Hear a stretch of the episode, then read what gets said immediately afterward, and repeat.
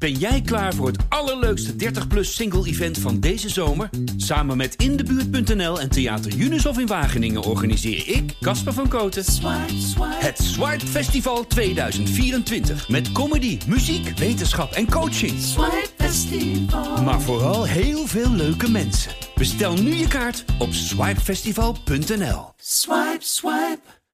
Voordat je begint aan de Elke Dag podcast, we hebben bij de Volkskrant ook een wetenschapspodcast, ondertussen in de kosmos. En die gaat deze keer over de vraag, waarom mogen jongeren eigenlijk niet stemmen? Zoek hem op op je favoriete podcast app of kijk even op volkskrant.nl slash podcast. Ondertussen in de kosmos. Dit is Elke Dag, een podcast van de Volkskrant. Mijn naam is Pieter Klok, hoofdredacteur van deze krant. Tot zijn verbazing trof correspondent Joost Basmeijer in Zuid-Afrika een land dat pal achter de Palestijnen staat, inclusief de president. Verslaggever Marjolein van der Water dook in de historie van de leus From the River to the Sea en sprak daarnaast een aantal anti-Sionistische Joodse Nederlanders. We gaan het hebben over drie vormen van anti-Israël sentiment. Joost, nou over de hele wereld wordt natuurlijk gedemonstreerd voor Palestina en, en wordt opgeroepen tot een staakt het vuren. Maar in Zuid-Afrika is iedereen heel fel.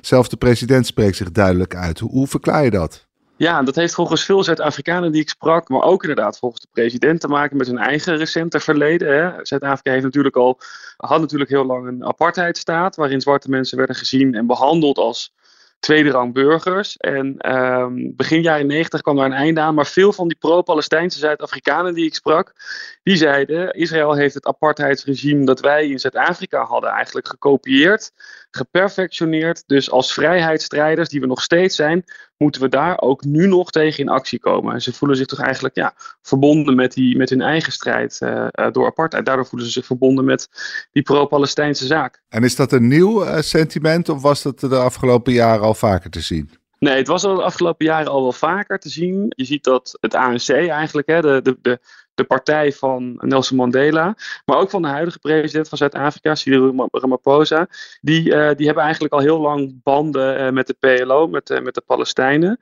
Maar de regering die lijkt ook banden te hebben met de Hamas.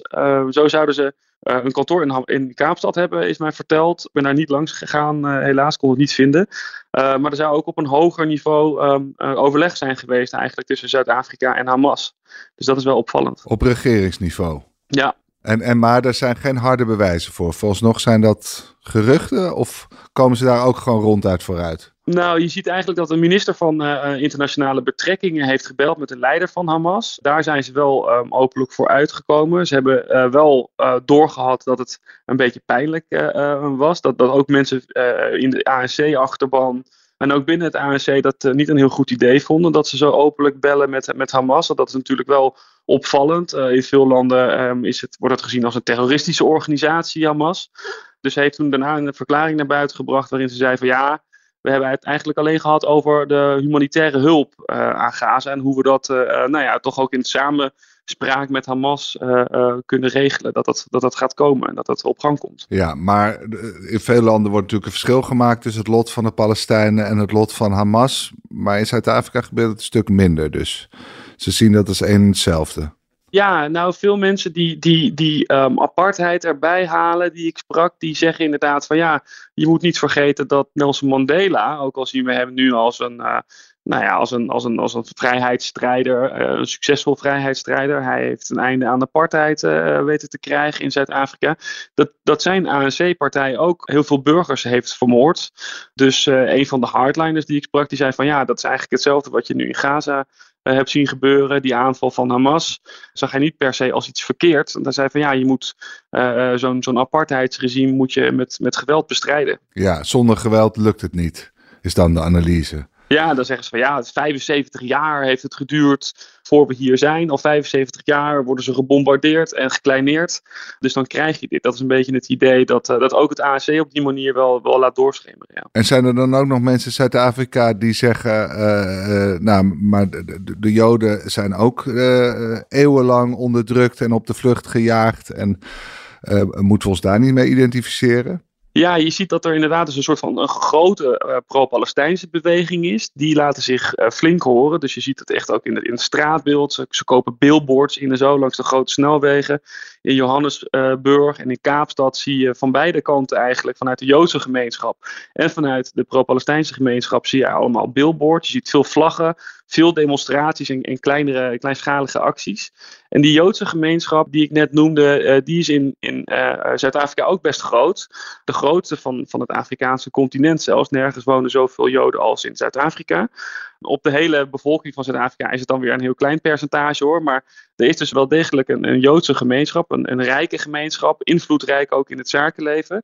En die laten dus, dus, ook van zich horen. Dus die zetten dan bijvoorbeeld op billboards van ja, en what about or uh, hostages, weet je wel. Die proberen daar de hele tijd aandacht voor te vragen. Dus je ziet dat er nou ja, dat, dat, dat, dat het uh, ook al ligt het zo'n 9000 kilometer van Gaza af, dat dat, dat conflict, dat die, die oorlog eigenlijk in Zuid-Afrika ook heel erg leeft. Ja. Maar het gaat dus om billboards en, en demonstraties. Maar die demonstraties zijn vooral pro-Palestijns. Of zijn er ook pro-Israël demonstraties? Er zijn wel pro-Israël demonstraties. Ik, ben, uh, ik wilde er naar eentje toe in, uh, in Kaapstad. Maar die werd eigenlijk al snel gehijacked door een hele grote groep pro-Palestijnse supporters. Dat waren echt duizenden mensen die eigenlijk al voor aanvang van die pro-Israël demonstratie bij elkaar kwamen. Eigenlijk alle uh, mensen van de Joodse gemeenschap was in de Joodse wijk daar van het veld nou ja, joegen eigenlijk wel. De politie heeft ze op een gegeven moment weggevoerd omdat ze bang waren voor een confrontatie.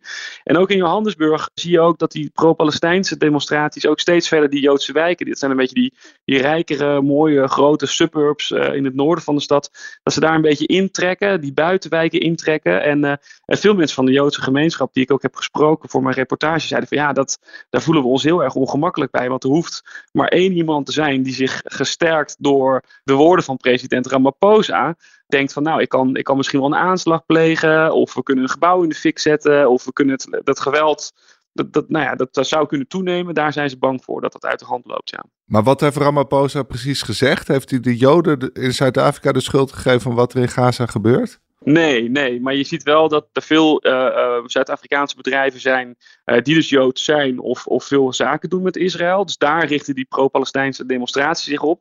En Ramaphosa heeft eigenlijk gezegd van ja, wij zijn ook apartheidsvechters, apartheidsstrijders. Daarom staan we vierkant achter de zaak van de Palestijnen. Dus hij had ook een Arafat-sjaal om en een, een vlaggetje, een Palestijns vlaggetje in zijn hand toen hij dat zei. Dus je ziet wel dat de, dat, nou ja, dat de overheid, de regering, eigenlijk ook heel duidelijk achter de Palestijnen staat. Daar maken de, maakt de Joodse gemeenschap zich zorgen over. Want het gaat dus niet over de twee dode uh, Zuid-Afrikanen die door Hamas zijn vermoord. Het gaat niet over uh, de vrouw, de, de Zuid-Afrikaanse vrouw, die nog steeds uh, is gegijzeld, naar, men aanneemt in Gaza. Daar is het ANC eigenlijk helemaal niet mee bezig en daar zijn ze boos over. Ja, maar wordt er ook, maakt ook iemand zich zorgen over groeiend antisemitisme? Wordt het woord überhaupt gebruikt in dit kader? Ja, dat is wel opvallend. Eigenlijk aan beide kanten zeggen ze antisemitisme, dat bestaat niet echt. Dus ik heb uh, het hoofd van, van, de, van de Zionistische Federatie gesproken. Toch ook zeker niet iemand die, nou ja, zeker iemand die zich zorgen maakt. Zeker iemand die in het hart van de Joodse samenleving uh, leeft. En hij zei, net als eigenlijk een van die hardliners van de pro-Palestijnse kant, van ja, antisemitisme is niet een, een, een probleem van Zuid, uh, Zuid-Afrika. Dat, dat is, er is wel wat antisemitisme geweest, maar in de recente decennia, sinds apartheid, zijn er eigenlijk ook nooit echt aanvallen geweest op de Joodse gemeenschap omdat ze Joods zijn of zoiets.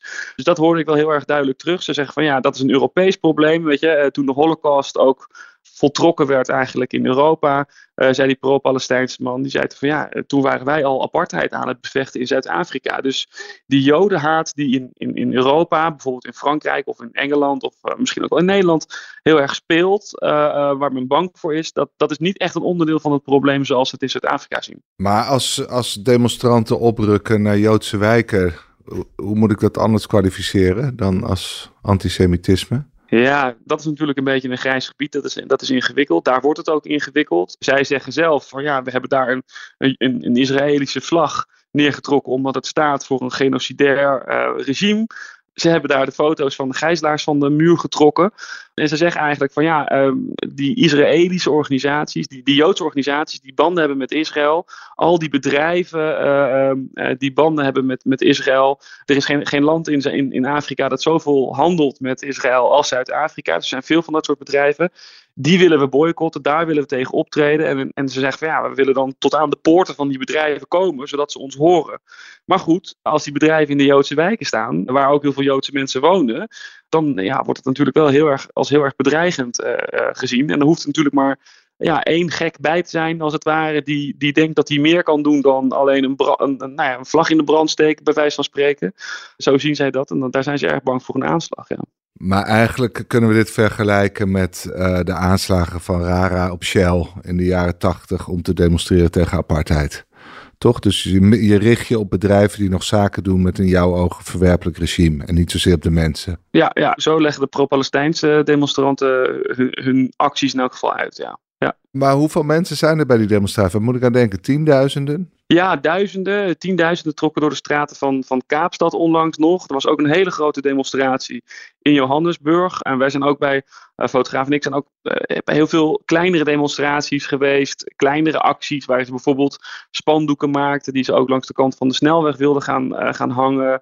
De Joodse gemeenschap in Johannesburg die heeft ook allemaal een soort van guerrilla acties. Om nog steeds aandacht te blijven vragen voor die uh, ontvoerde mensen. Dus dan hebben ze bijvoorbeeld ballonnen uh, aan de Nelson Mandela brug. Echt zo'n zo'n bekende brug in het centrum van Johannesburg gehangen. 200 ballonnen, net zoveel als er ehm, gegijzelden zijn. Dus zo zie je dat er eigenlijk aan beide kanten allerlei kleinschalige en grootschalige protesten worden georganiseerd. om toch nou ja, een beetje aandacht voor hun zaak te krijgen. Ja, en wat eisen ze dan? Of wat, wat zijn de leuzen die ze scanderen? From the river to the sea, Palestine will be free. En variaties daarop. En nou ja, omdat het eh, natuurlijk een land is waar apartheid uh, nog steeds zo'n rol speelt, dat zit zo uh, verweven met het DNA, ging het daar natuurlijk ook veel over. Nou, je begon er zelf over. From the river to the sea, Palestine will be free is heel snel uitgegroeid tot nou, wordt, wordt door Israëliërs en, en, en Joden gezien als een antisemitische leus. En door de Palestijnen gewoon als een oproep om de Palestijnen uh, het land terug te geven waar ze recht op hebben. Of, of in ieder geval gelijke rechten te geven. Uh, nou, wat die leus precies betekent, dat gaan we uitgebreid analyseren met uh, Marjolein van der Water hier aan tafel. Chef buitenland, correspondent in Zuid-Amerika. En nu richt je op Nederland. En, maar dan Klopt. vooral migrantengroepen, als ik het uh, kort samenvat. Die slogan, Marjolein, wanneer werd die voor het eerst gehoord? Uh, ja, die slogan die stamt uit de jaren 60. Uh, en hij zou ontstaan zijn in de Palestijnse diaspora destijds. Maar hij is toen heel snel overgenomen door de PLO, uh, Palestijn, Palestijnse bevrijdingsorganisatie. Later zijn zij overgestapt op de twee-staten-oplossing, zijn ze over gaan onderhandelen. Maar destijds ja, wilden zij gewoon één staat voor Joden en Palestijnen samen. Dat was dus de wens die ze hiermee tot uitdrukking brachten. Niet een staat voor Palestijnen alleen, maar één staat waarin iedereen gewoon gelijke rechten zou hebben en misschien sommige Palestijnen hun land terug zouden krijgen, maar samenleven in één land. Ja, dat is nog steeds, nou ja, veel mensen die deze leus gebruiken, die die zeggen dat dat voor hun nu nog steeds uh, het idee erachter is. Ja, maar uh, vanaf welk moment werd het dan in ieder geval door de Joodse gemeenschap geïnterpreteerd als een land waar Joden niet meer welkom zijn en, en waaruit de Joden moeten worden weggejaagd? Ja, ik denk dat het heel moeilijk is om daar een exact jaartal aan te plakken. Maar het is wel een feit dat uh, organisaties als Hamas, Hezbollah deze leus gebruiken in een andere context. Dus ja, dit soort organisaties die natuurlijk extreem vijandig staan tegenover alle Joden. Mm-hmm. In die zin is het ook wel logisch dat veel Israëliërs en Joden dit ervaren als een oproep om. Ja. Uh, dus eigenlijk vanaf het moment dat Hezbollah en Hamas die leus ook uh, adopteerden, kreeg je een andere betekenis. Want Hamas is wel degelijk uit op de vernietiging van de staat Israël. En... Ja, Hamas zegt ook dat ze voor een één-staat-oplossing zijn. Het is een heel ingewikkelde discussie, want een één-staat-oplossing, dat betekent in de praktijk ja, dat ze allemaal samen moeten leven. En van beide kanten is er gewoon heel weinig vertrouwen dat het überhaupt mogelijk is. Ja, maar waarom? Want hij werd afgelopen uh, zondag of gisteren in Rotterdam ook weer gebruikt, deze leus. Je kunt zeggen van, uh, nou ja, als het door de Joden zoals kwetsend wordt ervaren en, en zo wordt uh, geïnterpreteerd, ehm, waarom zou je die leus dan überhaupt nog gebruiken? Moeten we dan toch niet iets roepen wat tot minder misverstanden leidt? Heb, je, heb jij kunnen ontdekken waarom ze zo gehecht zijn? Ja, ik denk dat het voor hun een manier is om te laten zien dat, dat de Palestijnen, dat is een volk zonder land. Dat is een volk dat verlangt naar een land, naar een plek waar ze in vrijheid kunnen leven. En ja, mensen die die leus roepen, die vinden dat dat verlangen een plek moet hebben en dat deze leus daar uiting aan geeft. Ja, en je hebt niet zo snel een andere leus gevonden die dat op eenzelfde diepe manier. Ja, ik, ik heb deze leus natuurlijk niet zelf bedacht. En ik ben hier ook niet om uh, enorm pleidooi te houden voor het een of het ander. Het betekent voor de ene groep iets totaal anders dan voor de ander. Ja, maar het is wel een hele mooie manier om tot uiting te brengen, althans voor de Palestijnen, hun, hun diepste verlangen. Ja, en ik denk dat zij vinden dat zij, net als dat Israëliërs het recht hebben om te pleiten voor hun plek op de wereldkaart, mhm. hebben zij dat recht net zo goed. Maar goed, dus het is niet eens meer heel concreet een één-staat-oplossing of een twee-staat-oplossing. Het is meer een uitdrukking van een gevoel voor de meeste demonstranten. Ja, dat denk ik. En ik denk ook dat niet iedereen die deze leus gebruikt daar precies hetzelfde mee bedoelt. Als een Hamas-strijder hem roept, is het iets anders dan iemand die uh, de Palestijnse zaak een warm hart toedraagt hier in Nederland. Ja. En er zijn zelfs ook, denk ik, nog wel mensen die in een twee-staten-oplossing geloven, die ook deze leus gebruiken in, in de uh, interpretatie van, nou ja, from the river to the sea komen er twee staten uh, waar iedereen ook zich vrij kan bewegen. Ja, je kan er heel veel kanten mee op. En jij kwam bij demonstraties ook anti-sionistische uh, Joden tegen. Dus Joden die eigenlijk niet geloven in het sionisme, dus niet in, eigenlijk niet geloven in een eigen staat voor het Joodse volk. Mm Wat waren dat voor mensen?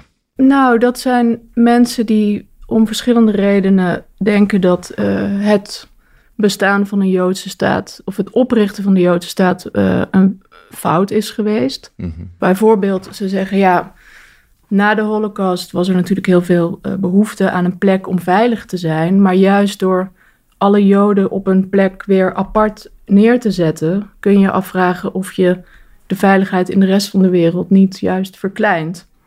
Zij pleiten er eigenlijk voor dat in alle landen waar Joden leven gewoon hard wordt gewerkt aan het uitroeien van antisemitisme. Dus eigenlijk leg je je neer bij antisemitisme door een Joodse staat te stichten, eh, zeggen zij. Nou, je bestrijdt het in ieder geval niet in de rest van de wereld. Nee. Uh, en daarnaast zeggen zij ook, ja, het, het, er wonen daar al mensen, er is te weinig aandacht geweest van het begin af aan voor de situatie van de Palestijnen.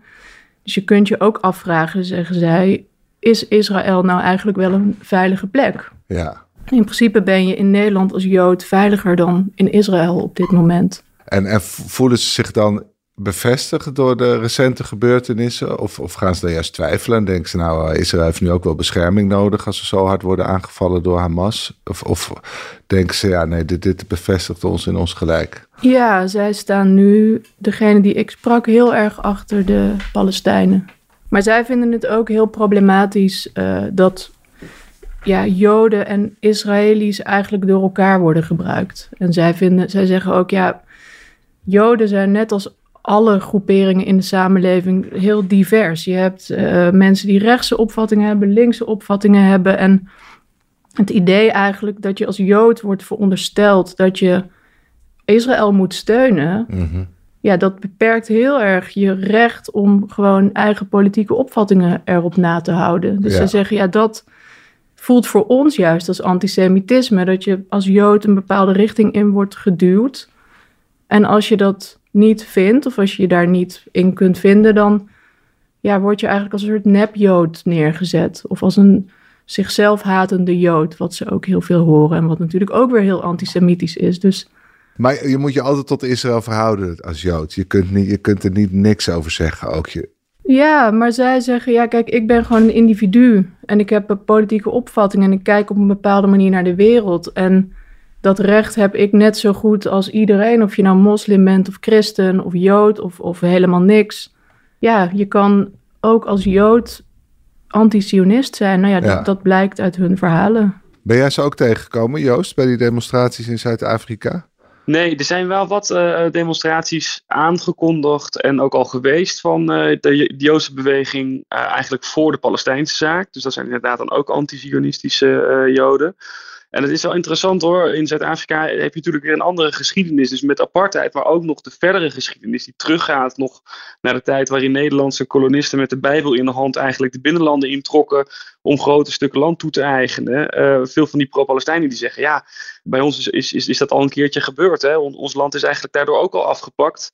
Daarom vinden we ook dat we uh, anti-Zionistisch moeten zijn. En uh, dus moeten oproepen om bedrijven die zaken doen met Israël te boycotten. Maar aan de andere kant, en dat maakt het toch wel heel ingewikkeld, ook in Zuid-Afrika, is er um, ook een best wel grote groep Zuid-Afrikaanse christenen, die juist uh, behoorlijk zionistisch is. En best wel Israël, Israël-minded is eigenlijk. En dat heeft er dan weer mee te maken dat veel christenen in Zuid-Afrika ook weer geloven in het Oude Testament, waarin Israël dus ook steeds wordt aangewezen als het beloofde land. Dus er zijn ook wel heel veel Zionisten, ook, al, ook, ook niet-Joden kunnen Zionistisch zijn. Ja. Maar dat zijn, dat zijn de Nederlanders die daar ooit naartoe kwamen om het land te veroveren? Ja, voor een deel. Maar er zijn heel veel verschillende christelijke uh, stromingen eigenlijk die het Oude Testament ook heel belangrijk vinden. Uh, dus je ziet ook dat er bijvoorbeeld redelijk wat Zionisten in de Pinkstergemeente zitten. Dus het kunnen ook zwarte Zuid-Afrikanen zijn. Ja. Oké, goed. nou, het wordt er niet eenvoudiger op. Maar niettemin veel dank voor jullie uitgebreide uitleg. En u luisteraar, dank voor het luisteren naar de Volksstand Elke Dag. Deze aflevering werd gemaakt door Lotte Grimbergen, Julia van Alem en Rinky Bartels. Wilt u de Volkskrant steunen? Dat kan. Vooral door een abonnement te nemen. En dat kan u voordelig via volkskrant.nl slash podcastactie. Want deze podcast is gratis, maar onze journalistiek is dat niet. Morgen zijn we weer. Tot dan. Ben jij klaar voor het allerleukste 30-plus single-event van deze zomer? Samen met Indebuurt.nl en Theater Junushof in Wageningen organiseer ik, Casper van Koten, Swipe, Swipe. het Swipe Festival 2024. Met comedy, muziek, wetenschap en coaching. Swipe Festival. Maar vooral heel veel leuke mensen. Bestel nu je kaart op swipefestival.nl. Swipe, swipe.